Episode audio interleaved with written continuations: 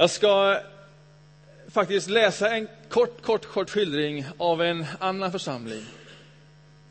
Jag ska backa ännu längre tillbaka än 75 år. Jag ska backa hela vägen till den första församlingens bildande och skapande i Apostlagärningarna. Och så ska jag läsa den lilla skildringen och reflektera någonting över det. För det är ju vår gemensamma historia. Och Sen ska jag säga någonting också om varför vi idag inte firar nattvard och istället gör en insamling, en offergång, en jubileumsinsamling. Vi brukar fira nattvard i den här gudstjänsten varje söndag. Går vi hit fram, tar emot bröd och vin. Och det är en högtidsstund och det är någonting centralt och viktigt här i församlingen. Så den här gudstjänsten som rymmer så många olika delar, så har vi bytt ut nattvarden mot en offergång. Och det är också någonting vi gör på, på, på terminsbasis. Någon gång på året så går vi mittgången fram och så ger vi en gåva här. Och man kan tycka, kan man göra det? Kan man byta ut nattvard mot offergång? Är ändå inte nattvarden viktigare? Känns inte det konstigt? Och då ska jag läsa om den första församlingen. Och sen ska jag säga, det kanske inte är så konstigt som det först verkar. Nattvard, en måltid och offergång kanske inte är så långt ifrån varandra som det först verkar. De kanske hör väldigt tätt samman. Så här koncentrerat beskriver man den allra, allra första församlingen. Apostlagärningarna. Och har du fått en röd bibel så får du sidhänvisning här på skärmen. Vi är i kapitel 2 och vi är i eh, vers 41.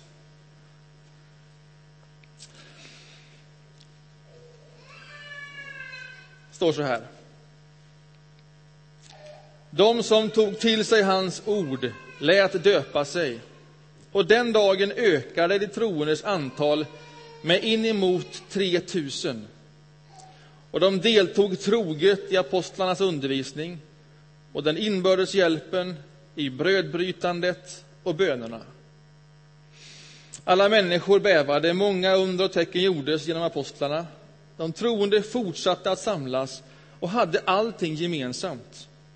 De sålde allt vad de ägde och hade och delade ut åt alla efter vars och ens behov.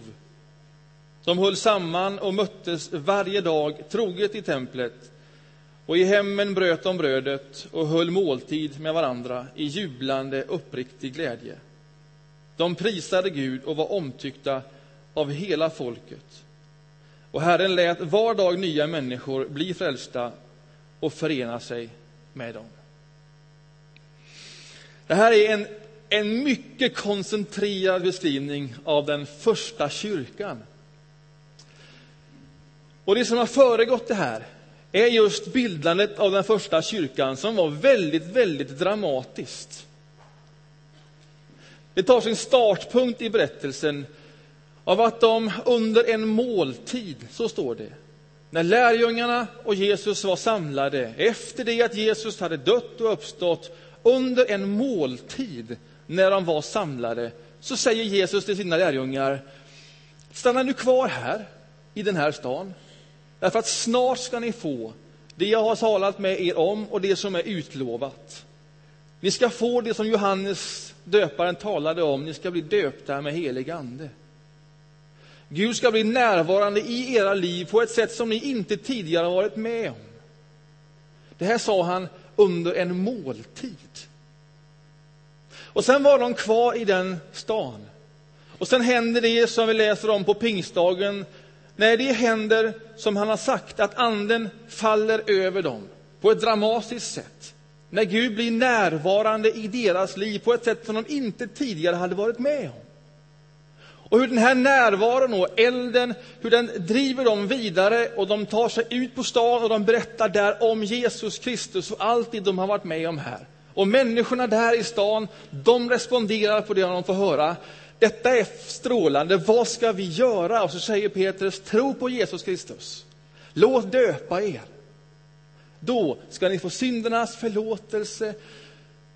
Och så är det det som händer. Och sen till sist så landar man i den här koncentrerade beskrivningen av den första kyrkans födelse. Och det är så intressant, tycker jag, att hela den här första berättelsen om hur kyrkan etableras, hur det inleds med en berättelse.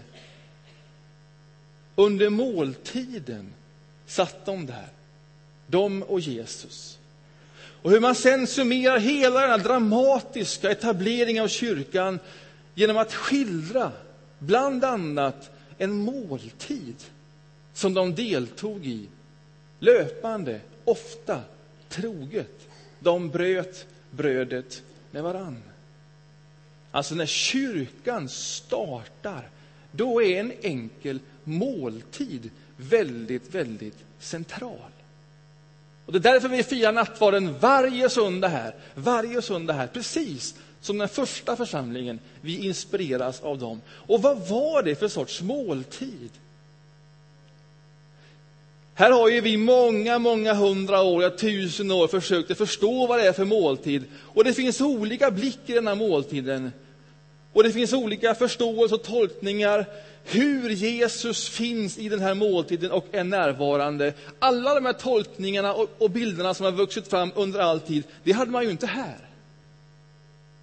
Så man försöker leta sig förbi allt det som vi nu har med oss och går tillbaks till deras upplevelse och bild av detta. Vad är det de är med om då? Ja, då kan man nog säga att för dem var måltiden någonting som inte blev nytt här. Utan någonting som stod i kontinuitet med det de hade varit med om innan med Jesus. Alltså under tre års tid hade de vandrat med honom och där hade måltiden varit väldigt central. De hade suttit där vid bordet med honom och där hade utspelats fantastiska konversationer. Och människor hade bjudits in som man inte tänkte kunde bjudas in till en sån måltid. Allt spännande kretsade omkring måltid. De och Jesus. Och sen när de firar en sista måltid tillsammans, när Jesus bryter brödet, och säger han Gör det här till minne av mig. Och det är ju det här som vi har i vår måltid. Vi bryter brödet till minne av honom. Men inte visste de exakt vad det då betydde, att bryta brödet till minne av honom. Men det laddade det de hade gemensamt ännu mer. Nu skulle de minnas någonting när han inte var där. Och sen dör Jesus, lämnar dem, uppstår igen. Och två lärjungar, de är på väg till en annan by, Emmaus. Och där slår någon följe med dem, en främling, de vet inte vem det är, de förstår inte vem det är. När de kommer fram så finns det någonting i deras umgänge som gör att de inte vill släppa honom. De bjuder honom in till sig, in till måltiden. Du kan väl dela måltid med oss? Han bejakar det. De sitter där och han, främlingen, bryter brödet. Och när han bryter brödet, då ser de vem det är. Det är Jesus. Det är Jesus. Alltså den här typen av bilder hade lärjungarna med sig om måltiden. Alltså måltiden var någonting som de gjorde gemensamt med Jesus. I den måltiden var Jesus central. I den måltiden fick de se någonting av vem Jesus var. Ja, i den måltiden fanns Jesus närvarande. Men hur? Ja, det hade de nog ingen aning om. Men det var deras erfarenhet, att när de bröt brödet, ja, då var det någonting extra med det. Där fanns också Jesus i deras gemenskap. Men det som är spännande att läsa utöver det, att i en enkel måltid, där finns Jesus närvarande. Det är att de låter inte den måltiden bli en sluten liturgisk måltid, alltså med en ordning skild från det liv som de levde.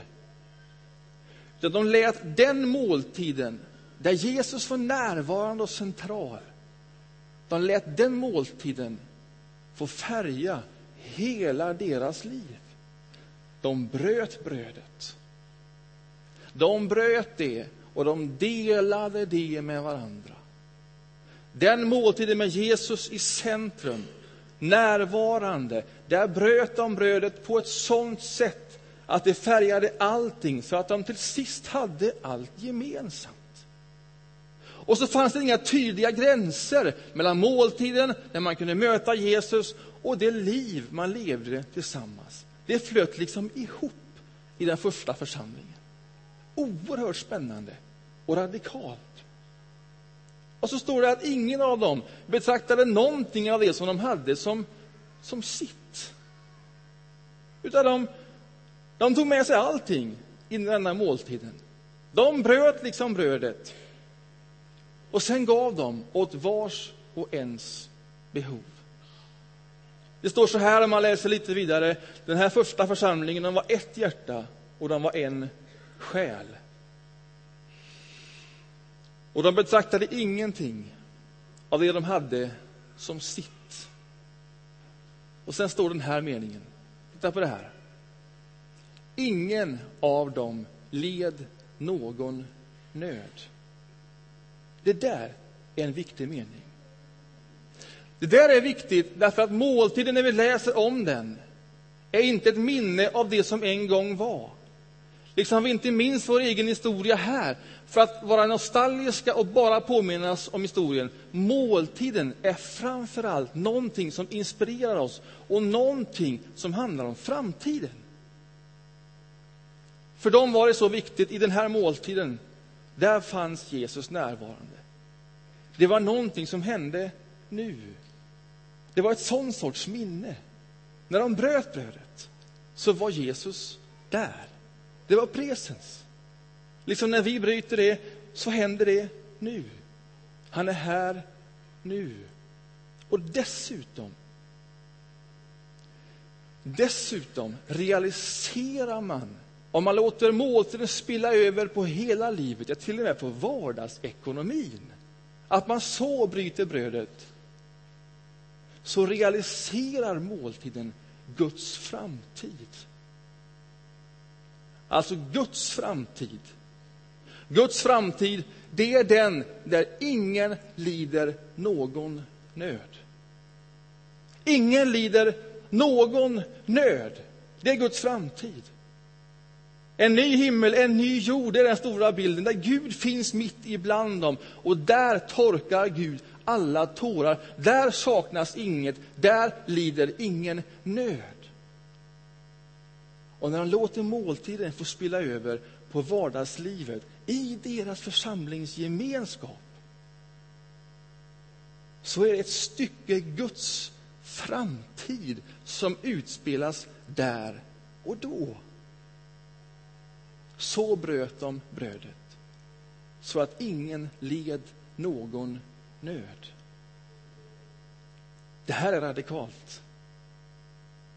Och Det här gör att när vi firar nattvard så är den måltiden, och vi menar den måltiden inte bara isolerat, utan när vi kommer med hela våra liv in i den, så är den måltiden inte så avlägsen från det vi nu ska göra här. Att vi faktiskt ska få dela med oss och ge av det som vi har, det vi har fått som gåva, en jubileumsinsamling, det vi kallar för offergång här i församlingen. Det är samma uttryck. Ett uttryck för att Jesus Kristus är här och nu. Närvarande. Hur han förenar oss genom ett och samma bröd och hur vi delar det med varann. Det är vad vi gör i den här gudstjänsten. Därför blir det här en blick framåt. Och jag är väl medveten här i kyrkan att det, att det finns gäster här som inte tillhör vår församling nu här. Och sen funderar jag över vad är det jag kommit på nu? Nu ska vi göra en stor jubileumsinsamling här. Jag har min församling eller jag har ingen församling. Men jag, låt mig bara få säga, du är så välkommen som gäst här i vår församling. Och vi vill att i varje moment som sker i gudstjänsten så ska du få känna en frihet eh, att förhålla dig till det så som du vill. Också detta, insamlingen. Men för oss här som tillhör församlingen så är det här en högtidsstund. Det här är vårt sätt att bryta brödet och att dela med oss. Och Vi ska göra en sån insamling under det att vi sjunger lovsånger. Det blir en del i den rörelsen. Och här i den här lilla, eller stora krukan eh, lägger man sin gåva. Eh, och om man inte har kontanter med sig och ändå vill vara med i detta så har ni tror jag alla fått, annars finns det här nere vid ljudbåset en lapp där man kan få ge ett löfte, där man skriver ner det här vill jag ge. Det här är min gåva. Så här vill jag vara med och gestalta Guds framtid nu. Och så finns det lite information om hur man kan eh, betala in det sen. Eller det finns en kollektomat där nere som man kan använda. Och under tiden vi gör den insamlingen så kommer vi också finnas möjlighet att gå fram hit, tända ett ljus, be en bön, formulera sin längtan på det här sättet. Eller att få böja knän här vid knäfallet.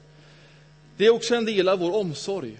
Det är också ett sätt vilket vi bryter brödet. Vi delar med oss, vi visar omsorg om varandra och kärlek. Du kan få böja knän här, kanske för någonting som kommer i veckan där du känner, här skulle jag behöva kraft och närvaro.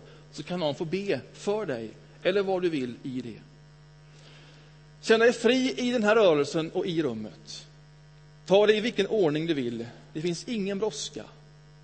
Sitt kvar och njut av musiken om du vill det. Gå fram och lägg din gåva här, om det här är din församling. Eller bara rör dig i rummet och använd de här olika uttrycken. Känn dig helt fri i detta. Så blir det här vårt uttryck för att vi bryter brödet med varandra den här söndagen.